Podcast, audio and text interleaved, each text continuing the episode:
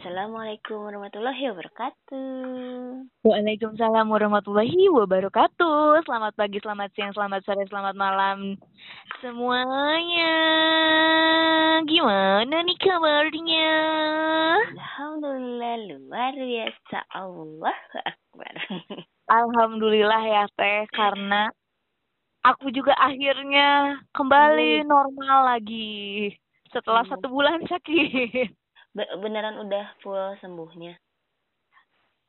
eh ya itu sih radang yang di leher masih ada sih dikit lagi. Makanya aku lanjutin obatnya. Gitu. Hmm. Tapi mata udah sehat, kembali seperti biasa. alhamdulillah sudah kembali seperti biasa. Namun orang-orang mengiranya mata aku masih lebam. Tapi dah emang mata aku mau begini.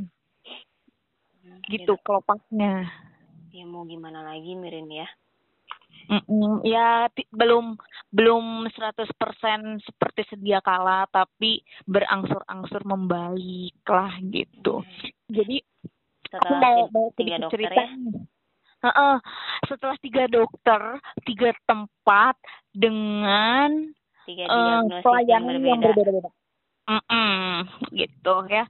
Jadi eh, aku mau cerita sedikit nih. Sebulan kemarin tuh aku sakit apa. Jadi makanya kita selalu ngewanti-wanti ya jaga kesehatan, jaga jarak, jaga kebersihan, dan jaga pola makan.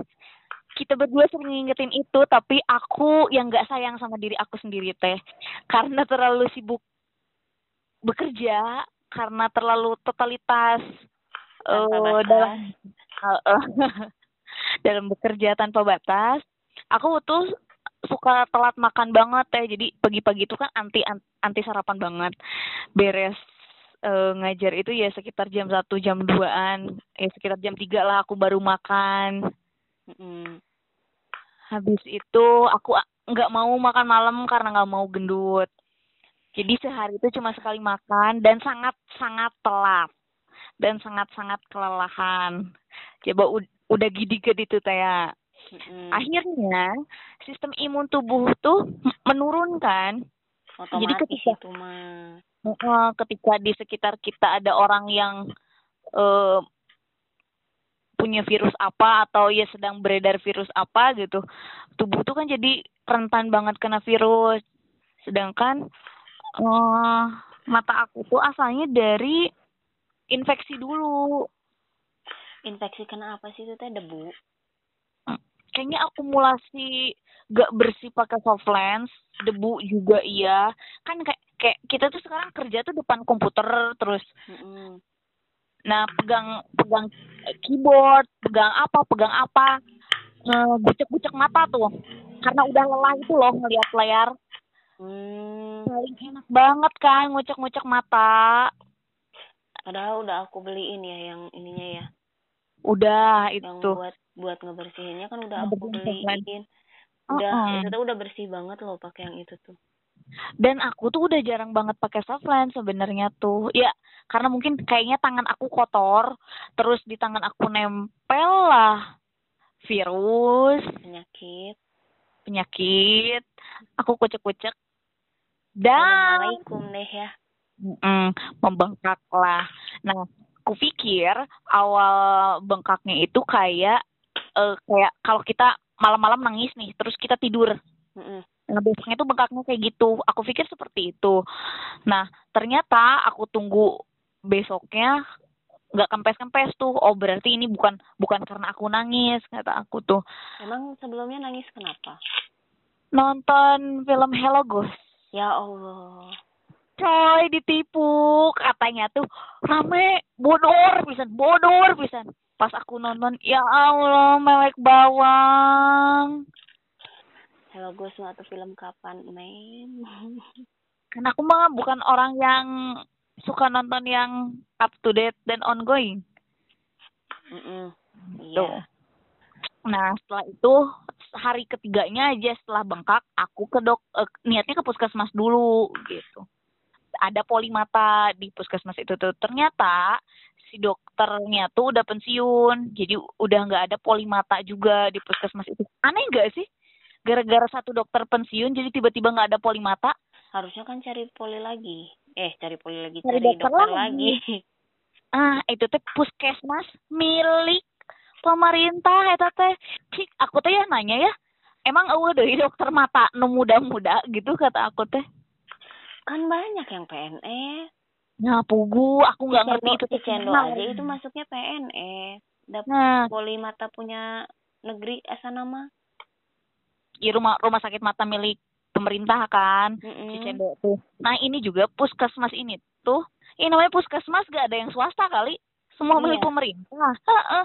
Kenapa tidak dialokasikan untuk ke puskesmas gitu?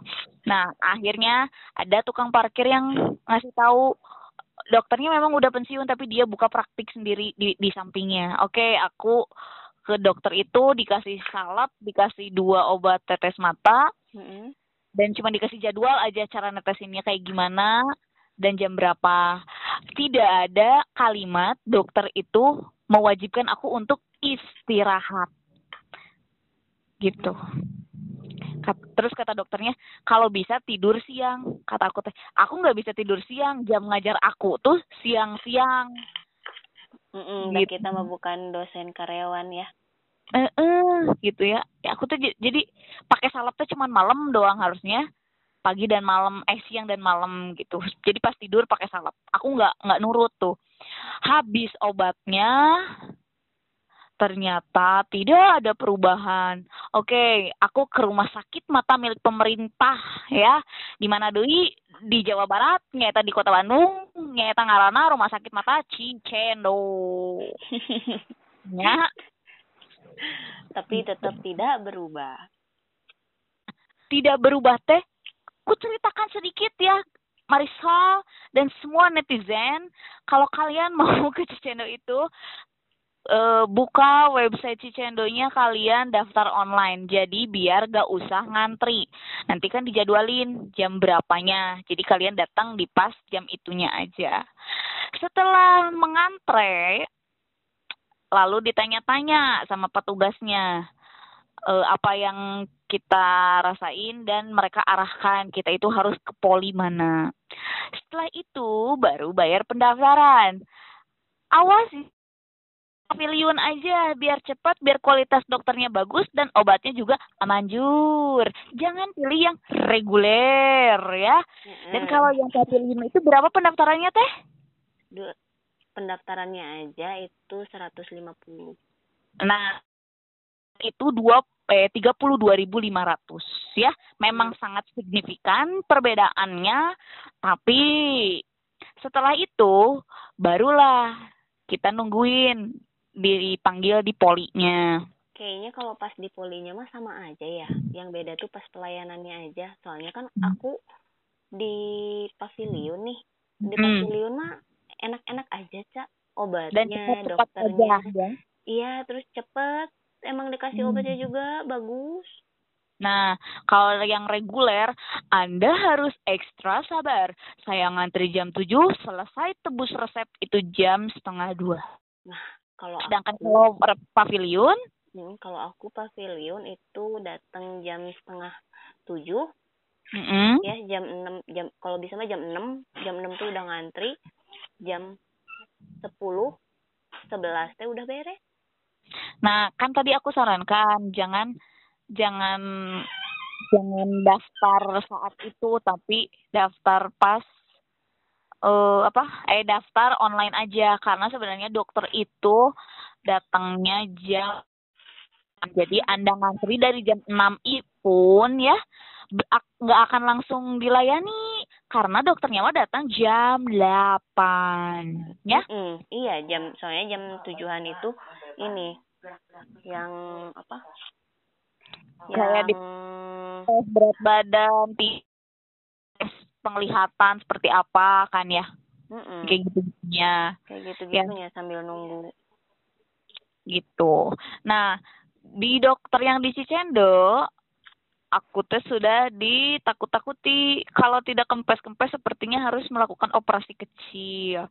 Karena radangnya itu disebutkan ada benjolan di bawah kelopak matanya, bukan di kelopak mata yang bagian luar, tapi yang di bagian Oh, yang di selaputnya ya? Mm-mm, gitu. Hmm. Dikasihlah tiga obat tetes mata yang ditetesnya tuh ada yang dua jam sekali, tiga jam sekali, dan empat jam sekali. Itu aku Hmm. sangat rutin sekali pakainya karena ingin Cepat ya. sembuh. Hah? Heeh. Datang tuh hari Kamis. Katanya kalau misalnya sampai hari Senin eh hari Minggu gak ada perubahan datang lagi lah. Langsung lewat UGD tapi aku nggak dikasih surat rekomendasi. Karena dokternya mungkin optimis aku ada perubahan setelah dikasih obat itu tuh. Mm-mm. obat tetes yang dikasih dokter dari si Cendo sama obat yang dikasih sama ob- eh, dokter yang buka praktik sendiri itu beda. Tidak ada yang sama ya Mm-mm, tapi pasti. semuanya eh, eh, cendo-cendo juga sih gitu terus ternyata sampai hari Minggu bukannya tambah kempes tapi karena badan akunya panas drop. Eh, sangat ngedrop ya dan karena ngedrop itu muncullah radang di dekat tenggorokan, di dek, di pipi dekat telinga dan di bagian leher lainnya lagi gitu.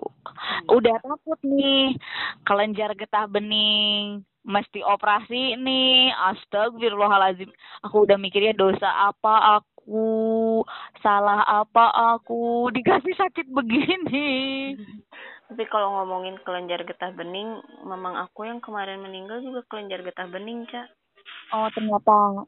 Mm-mm, kanker. nah itu yang ditakutin tuh. Gitu. Terus ya aku takut kan si radang yang ini tuh kok lah kelenjar getah bening lah atau apa. Karena eh, punya BPJS ya pakailah datanglah ke vaskes. Aku tuh ya Allah dikasih obatnya teh. Generik ya. Terus pelayanan dok meni gitu amat. Terus kayak yang dokter abal-abal gitu ya. Kata aku teh ya Allah gini amat. Mentang-mentang gratisan. Ya kata aku teh. Ya Ya wayahna, ya nggak jauh beda sih merenan sama kayak fasilitas di rumah sakit gede juga. Coba bayangin ya, kan kemarin tuh ke ke dokter. Disuruh disuruh nunggu hasil dua minggu. Terus ke dokter lagi disuruh hasil dua minggu. Hayo we kayak gitu. Nah. sampai enggak adanya. Iya. kalau pakai masih- masih ada yang belum diinin belum di apa namanya belum istilahnya mah belum keambil belum bukan belum keambil belum diperiksain itu teh apa hasilnya. Eh udah nggak ada duluan.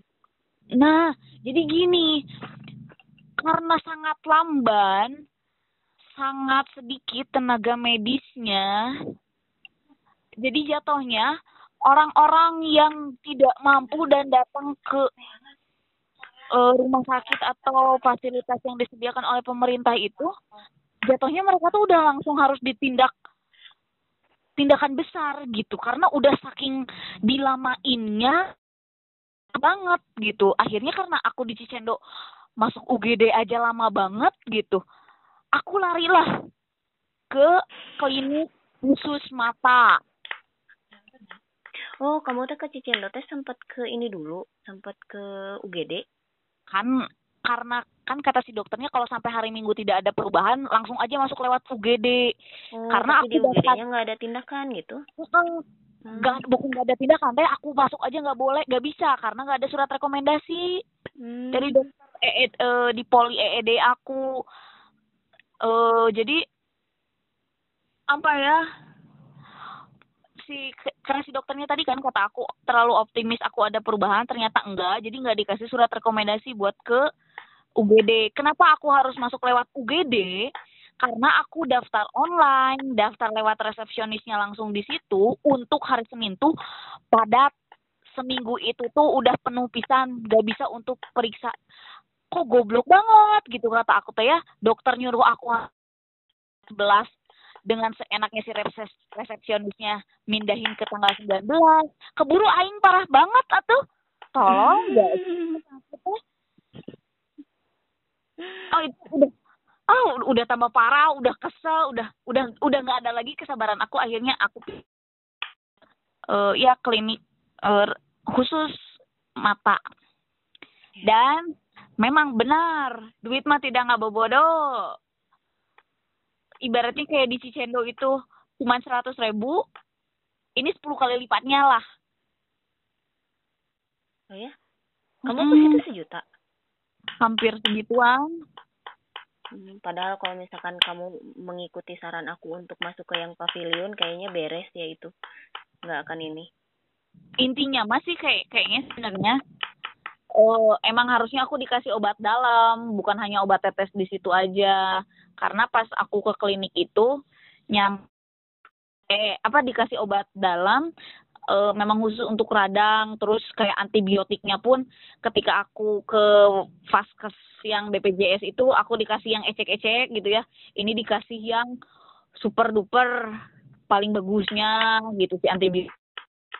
Cepat lagi pulih hmm. si badannya. Terus si ternyata radangnya tuh eh meredakan radangnya tuh bukan cuma di radang di mata aja. Yang di dekat yang di pipi dekat telinga pun itu ngempesin gitu. Kayaknya mah ini ya e, dari satu menyebar ke semua. Kayak e, kayak kayaknya gitu. Kamunya kurangin makan makanan ini gerak yang aneh-aneh. Iya aku tidak akan makan yang aneh yang penting mah sekarang makannya harus tepat waktu dan satu kalau misalnya mau berobat jangan lagi lah ke rumah sakit pemerintah. Lila. Enggak enggak apa-apa sebenarnya. Tapi kalau misalkan urgent ya kita bisa minta ini kok bisa dirembes. Cuman ya emang ribet lagi. Iya. Kayak kayak dipersulit aja gitu. Padahal mah ya jatah kita. hmm eh orang kita bayar tiap bulan kan gitu. Iya mana aku kemarin baru bayar. Kaget dong aku bayarnya. Kok dua ratus ribu? Kan perasaan aku teh udah dipindahin ya dari kelas satu teh ke kelas dua. Uh -uh.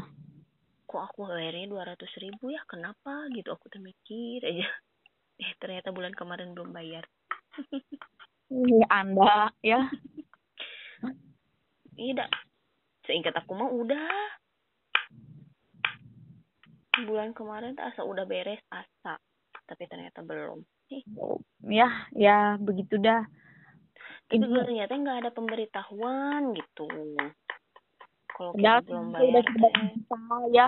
Udah aja auto debit kayak gitu. Lah sama aku mau didaftarin. Tapi hese daftar auto debit lagi teh.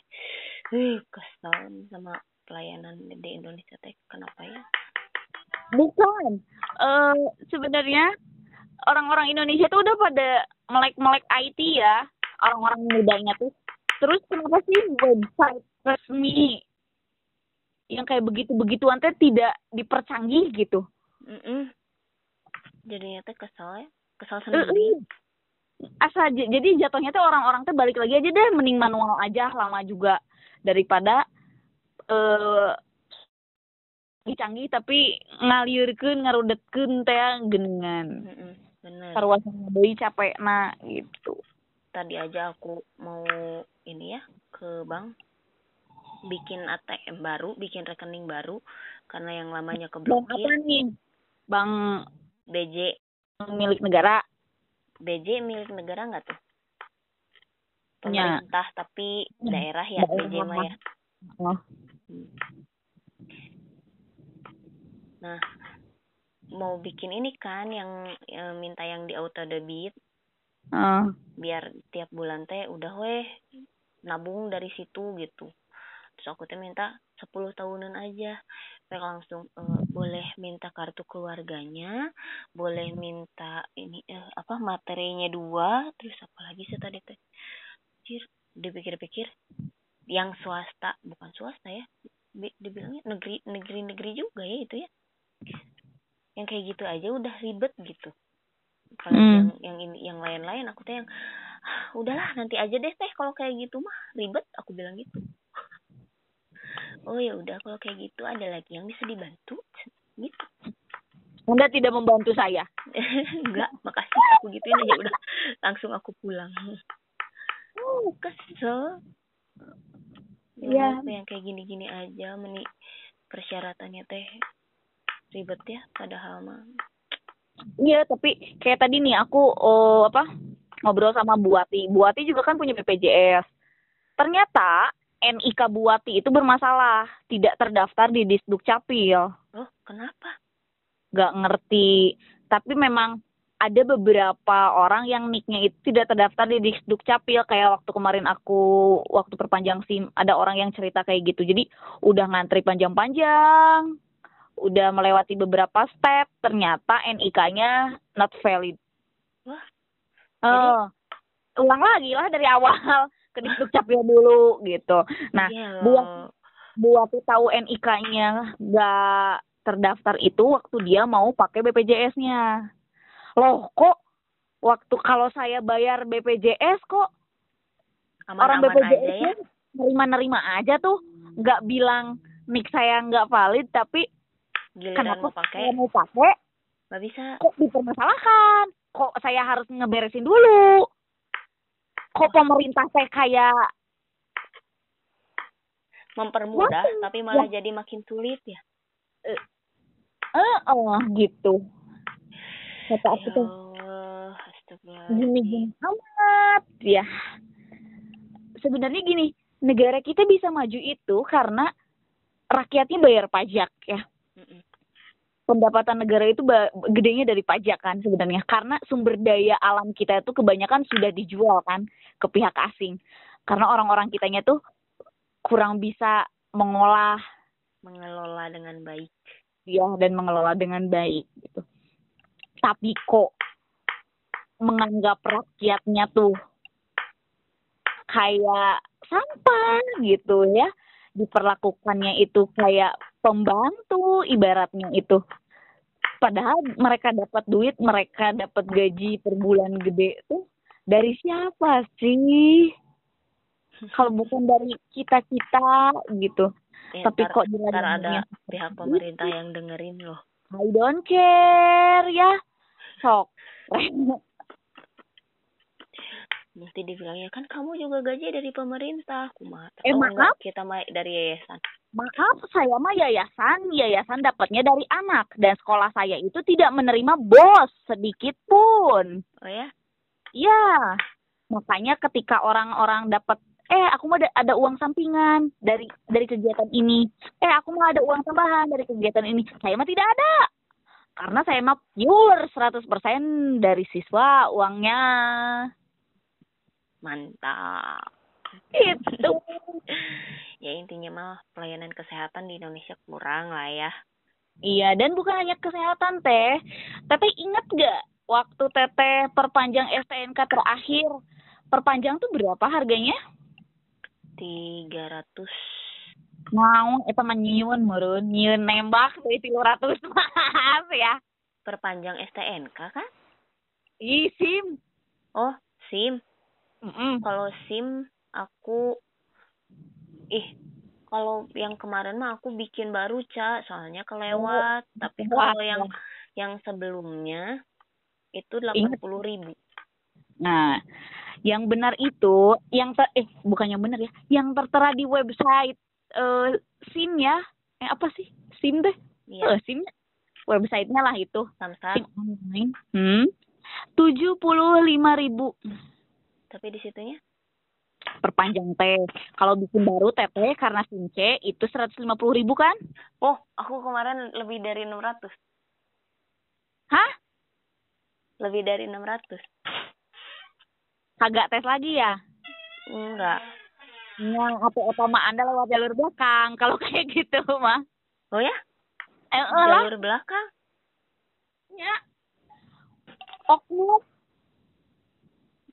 Oknum berseragam. ya itu mah sebenarnya bukan aku bukan aku aku mah diminta bayar segitu ya udah Oh. Iya, tapi sama yang berseragamnya kan? Hmm, adiknya yang berseragam. Oh. Ya ada komisi lah meren buat adiknya. Sebenarnya Hmm. cuma seratus lima puluh ribu teh kalau SIM C tuh. Oh ya? Iya, tambah eh, biaya tes kesehatan sama apa buat jari eh, tes eh, apa? Buat cap jari sidik jari. Ya, totalnya kalau tes kesehatan itu cuma dua puluh lima ribu. Hmm, Terus eh, cap sidik jari itu sepuluh ribu, tiga puluh lima ribu kan. Nah, buat pen- pencetakan si kartu SIM-nya eh, itu tujuh puluh lima ribu bayar ke bank kan. Jadi totalnya itu kurang lebih kalau bikin baru itu seratus lima ribu. Kalau anda lebih bayar bayarnya lebih dari segitu berarti itu ya. Jadi anda tidak melewati step-step tes tulis. Eh, ngelewatin. Ya. Ngelewatin, Cak. Kalau tes tulis, aku cuman nggak ngele nggak ngelewatin. Sebenarnya Tes praktiknya. tes praktek juga ngelewatin. Cuman aku gagal, nggak tahu, nggak ngerti gagal di mananya dan nggak dikasih tahu juga step-step yang yang benernya kayak gimana. Cuma ikutin ya dan ikutin teh nggak ngerti gitu. Itu Hmm. teh step-step eh, yang benernya gimana, apanya gimana gitu tuh nggak dikasih tahu. Cuman eh, pas udah itu gagal, udah ini gagal, udah ini gagal gitu doang. Tahu bener. Hmm. terus mana yang benar mana yang salah kenapa digagalin semua aku tanya nggak ngerti ke situ terus akhirnya aku nelpon eh, adik yang berseragam, Berseragam. itu Mm-mm. Jadi cepat aja. Iya, jadi hari itu teh langsung jadi aja Ah, ah, iya. Itu namanya jalur cepat ya, jalur akselerasi. Gitu. ya nggak tahu aku malah. Nah, gitu. nah, aku ya udah sama tahun ini tuh aku udah dua kali perpanjang SIM. Tahun lalu aku perpanjang SIM, ya memang bayar biaya kesehatan dua puluh lima ribu, eh, buat perpanjangnya tujuh puluh lima ribu, jadi total seratus ribu. Untuk tahun ini karena aku kondisinya baru bangun sakit, niatnya tuh di SIM outlet gitu. Hmm, tapi malah lebih lama ya yang sim keliling itu bukan Eh, ternyata SIM outlet yang aku datangi itu sudah eh sedang dalam perbaikan. Jadi mau tidak mau saya mencari SIM keliling. hmm. Gitu. Tahu gitu mah saya ke Polres.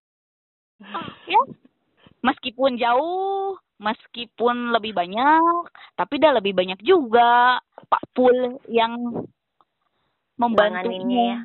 Nanganinnya. Sedangkan kalau SIM keliling itu halo hanya satu. Gitu ya. Satu orang satu orang. Hmm. Nah, datanglah aku tuh ke sana jam 8, nyampe si di tempat SIM keliling itu tuh. Eh, udah dari situ aku nanya, ini saya daftar ke mana ya? Kok nggak ada nggak ada nggak ada pemberitahuan ya me- meja ini pendaftaran gitu, nggak ada. Terus dikasih tahu lah, tuh ke bapak yang itu satpam mall tersebut tiba-tiba menjadi petugas SIM keliling wih gitu. Terus kata orang yang aku tanyain juga gini, mau daftar biasa atau mau yang cepat? Kalau yang cepat mah jangan daftar ke si bapak itu, ke basement aja. Oh, enggak, saya mah yang normal aja. Aku kayak gitu. Terus aku datang, kata si satpamnya bilang, mau yang normal apa mau yang cepat?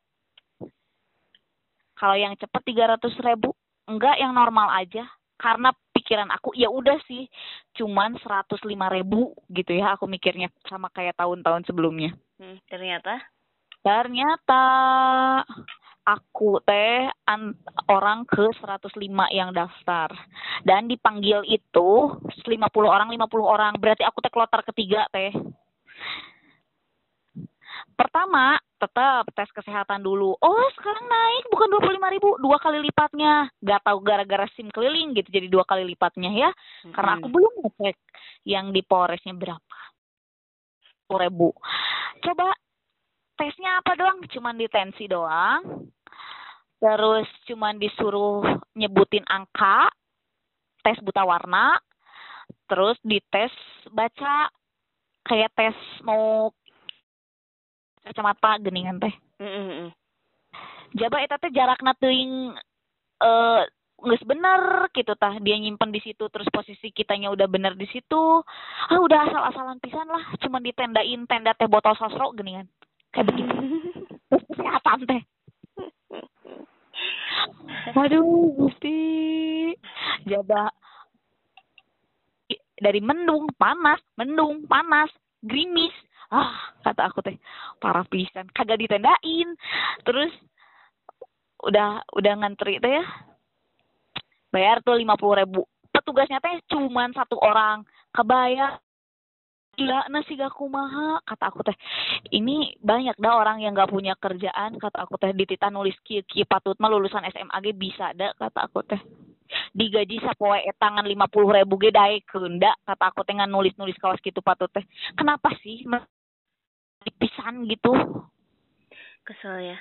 Heeh. Terus teh aku nunggu di mana coba? Di emperan toko. Ngajarejer eta teh nurek sim. Nurek panjang sim teh aing siga kegalandangan ya Allah. Nah, habis tes kesehatan ngantri lagi buat naik si bisnya.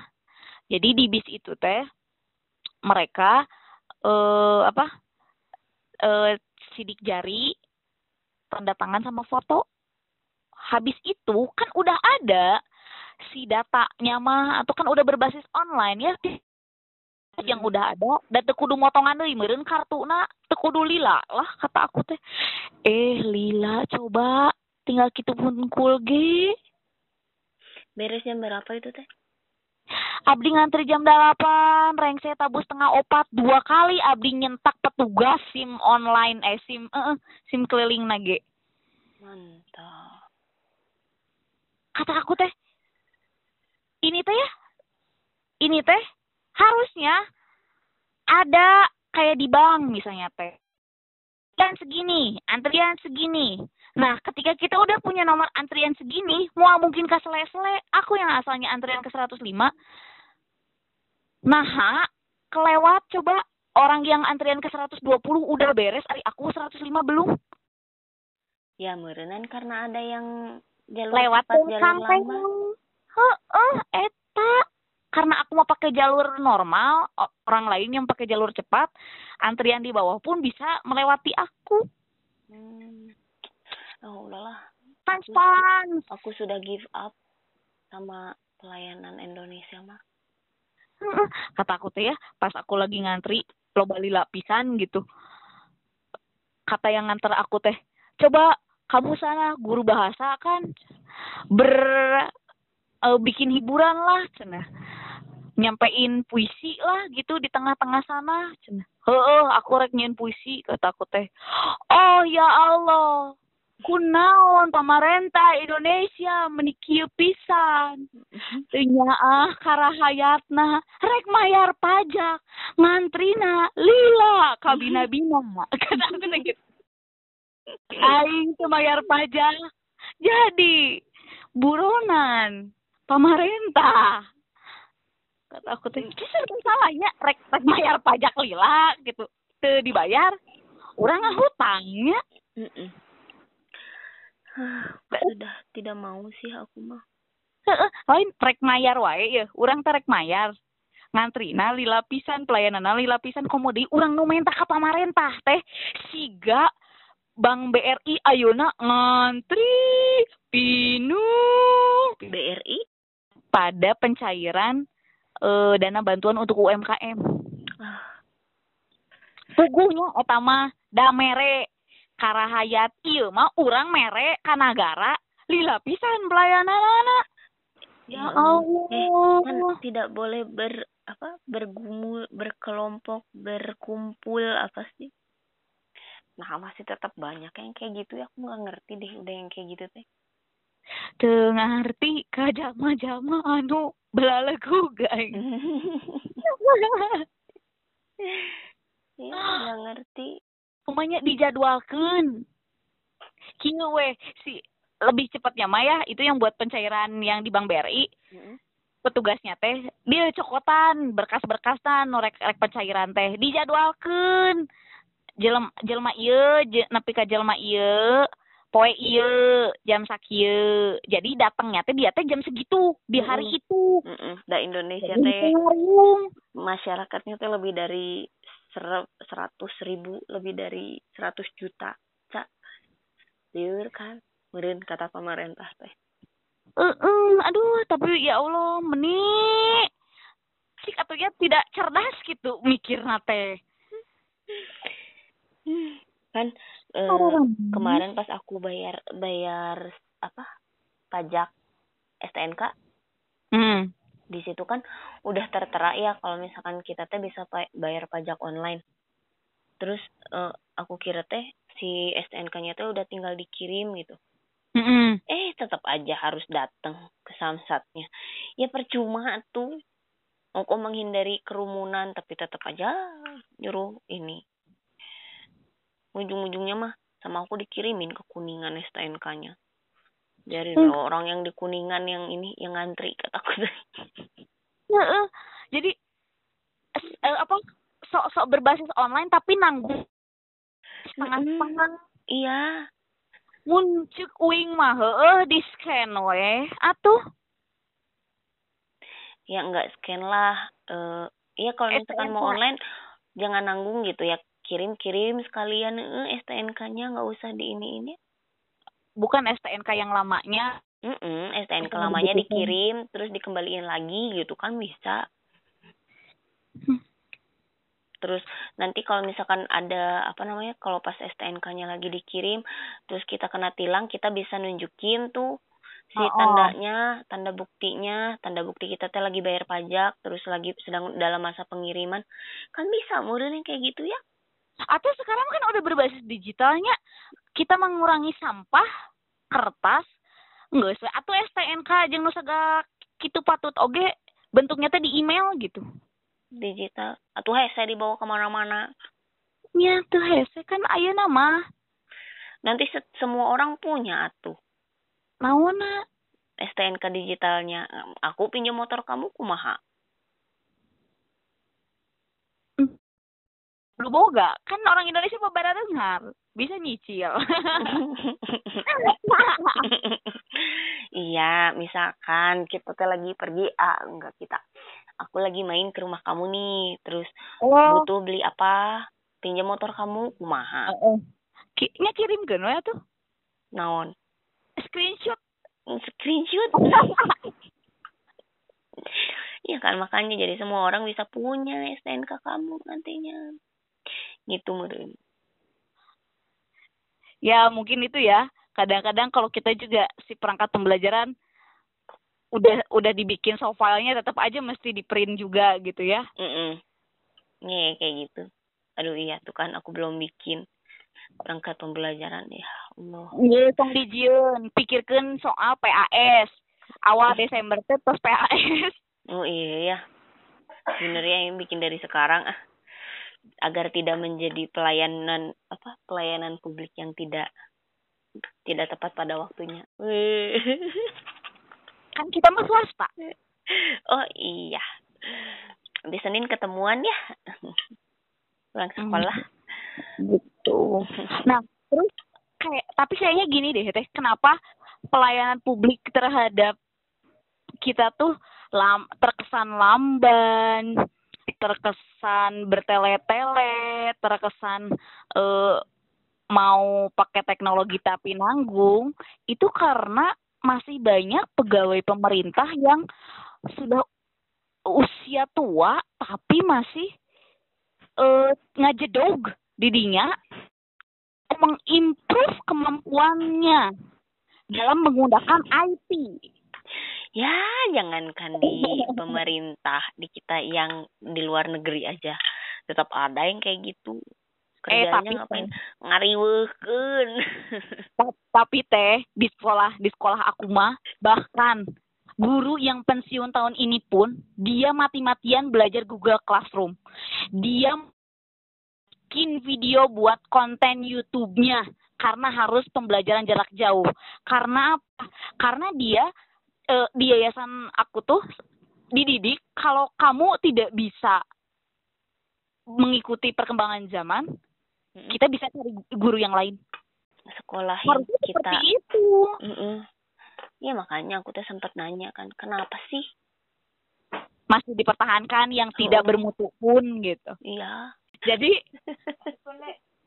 anu anu ayu natenya di institusi institusi institusi pemerintahan teh lo baru diasupkan ku orang dalam yeah. tapi sebenarnya mah tidak ini ya tidak tidak sesuai pada ranahnya lah uh -uh.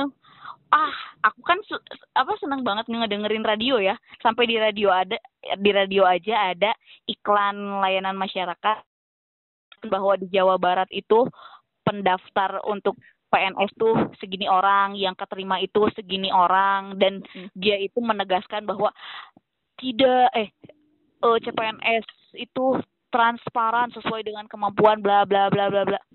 Madinya kata aku teh. Marukan orang teh jalma bodoh. Marukan orang teh kekara lahir kamari teh nyaho. Kawas kumaha nya? Ah, Gusti Agung udah capek ngomongin masyarakat Indonesia. Da dari dari Lain masyarakatnya juga banyak sih.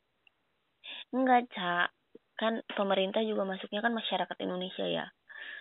Ya yang punya wewenang ya. Eh, ya jangankan mereka yang udah punya wewenang kita aja yang nggak punya wewenang kadang pengen instan gitu ta ya nggak sih? Ya kan? Pengen apa instan. Ah, itu aku mah. Sesuai dengan peraturan yang ada. Lamun saya bakal bagian antri nomor sakitu, nyangges, kudu sakitu. Tidak harus instan juga, gitu. Ya, boleh lah ya pokoknya mah Indonesia mah sulit lah untuk pelayanan mah. Mau gimana gimana juga. Eleng maju tibatan Singapurnya karena dari masyarakatnya sendiri masih susah. kurang uh, kurang kesadaran. eh uh, uh, akan aturan yang sudah dibuat ya. Tetapi dah meren loba liar oge sih nunyan aturan anak terlalu banyak memikirkan kemudahan entah hmm. kemudahan bagi siapa Aduh, jadi jangan sirah ya. Ngomongin politik ya tuh ya. Aduh, sudah, sudah, sudah, sudah. Sudah, kita sudahi saja ya sampai di sini ya. Iya, jadi bagi kalian yang setuju dengan kami, tolong kalian juga harus menyuarakan hal yang sama seperti kami. Tidak perlu takut, negara ini negara demokrasi. Kita ber mengungkapkan pendapat kita. Tapi ya semoga saya tidak seperti Jering yang akhirnya dia diponis tiga tahun penjara. Iya, tapi nanti kita di penjara tiga tahun kumaha bingung saya. Ulah atuh, lamun abi di penjara, uh, bangsat. Uh, apa? Uh, mencerdaskan anak bangsat. Astagfirullahaladzim. Bangsat-bangsat dan bejat-bejat, Jangan gitu atuh. Ica kok suaranya hilang? Enggak, ada kok memang akunya sedang tidak berbicara. Kirain teh hilang. Begitu ya. Keur hapnya capek. Oh, oh, capek ya, betulnya ya itu ya. Dan karena percuma sih terus ngomong panjang lebar sih kieu kita sudah mengungkapkan unek-unek kita kekesalan kita dan anggur mau didengi. Aku mah sebagai orang yang mendengarkan sajalah. Iya ini mah informasi buat kalian aja bahwa kita tuh sebenarnya mah seperti seperti ini adanya ya. seperti guru honorer dibutuhkan tapi tidak diperhatikan. Wih, mantap. Curhat. ya, sudahlah. Gitu. Biarkan saja. Yang ya. penting mah kitanya ikhlas lah ya. Ya, intinya mah kalian generasi calon penerus bangsa yang akan memajukan negara ini, tolonglah rubah tatanan pola pikir dan tatanan pemerintahan di Indonesia. Indonesia. ya jangan memikirkan diri sendiri tapi pikirkan rakyat banyak ah, Gitu, gimana ya. mau gimana mau merubah, belajar aja kagak mau. jangan kalah sama orang Papua Orang Papua aja belajar ya. oh, oh. sudah mengerti eh saya tak mengerti itu tuh ada tuh Semeranus tuh ngechat ke aku udah aku ajarin dia teh masih tetap bu sat satra bisa katanya. Waduh yang kemarin udah diajarin Meranus iya saya lupa katanya gitu. Gitu jadi jangan jangan banyak mengeluh gini anak-anak tuh banyak yang mengeluh dengan PJJ ini. Mereka itu mendadak bodoh. Dan materi apa pun yang dijelaskan oleh guru itu tuh ngerti dan tuh bisa dan tenerap seetik-etik acan di otak. Karena mereka mengerjakan tugas-tugas dari kita itu hanya copy paste dan bertanya pada Google. Saha sih? Saha sih? Nusok ngejawab pertanyaan soal-soal ti guru teh Brainly ah si Brandly ya ah sudahlah pusing tapi aku. dari diri kaliannya sendiri yang mau mencari, yang mau belajar, yang ingin memajukan negara ini. Tolong, karena kami mah sudah generasi tua ya. Aduh, Tidak enggak, enggak, enggak, enggak, enggak. Aku mah enggak sama kamu. Enggak. Kami mah tidak akan mungkin melaju ke kursi DPR atau DPRD atau DPD ya. Kalian yang akan maju selanjutnya, belajarlah dengan giat menjadi orang yang benar, berakhlak, dan peka terhadap sesama. Dan Sweet banget ya doanya ya. Amin, amin. Semoga benar seperti itu adanya.